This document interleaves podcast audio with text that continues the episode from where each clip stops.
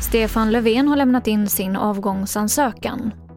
Centern släpper fram Magdalena Andersson som statsminister och misstänkt svensk människosmugglare gripen.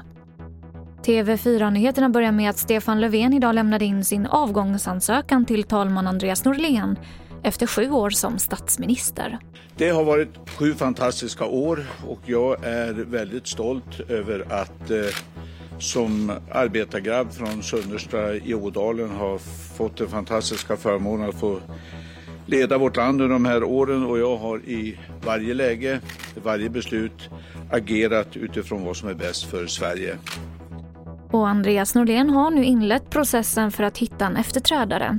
Stefan Löfven kommer att leda en övergångsregering fram till att en ny statsminister är klar. Och beskedet om Stefan Löfvens avgång kommer efter att Centerpartiet, Socialdemokraterna och Miljöpartiet enats om nya regler för strandskyddet och stärkt äganderätt i skogen. Frågan har varit av stor betydelse för att Magdalena Andersson ska kunna släppas fram som ny statsminister och betyder bland annat att det blir enklare att bygga i strandnära områden på landsbygden. Och en svensk man i 30-årsåldern har gripits misstänkt för människosmuggling i samband med krisen vid den polsk-belarusiska gränsen.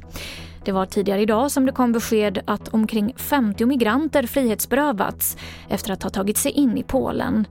FN ser situationen som mycket allvarlig och manar till snabb lösning för de runt 4 000 migranter, främst från Mellanöstern, som finns vid gränsen.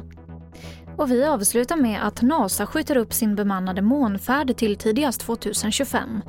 NASA säger att man inte har fått tillräckligt med pengar från kongressen för att kunna utveckla sin månlandare.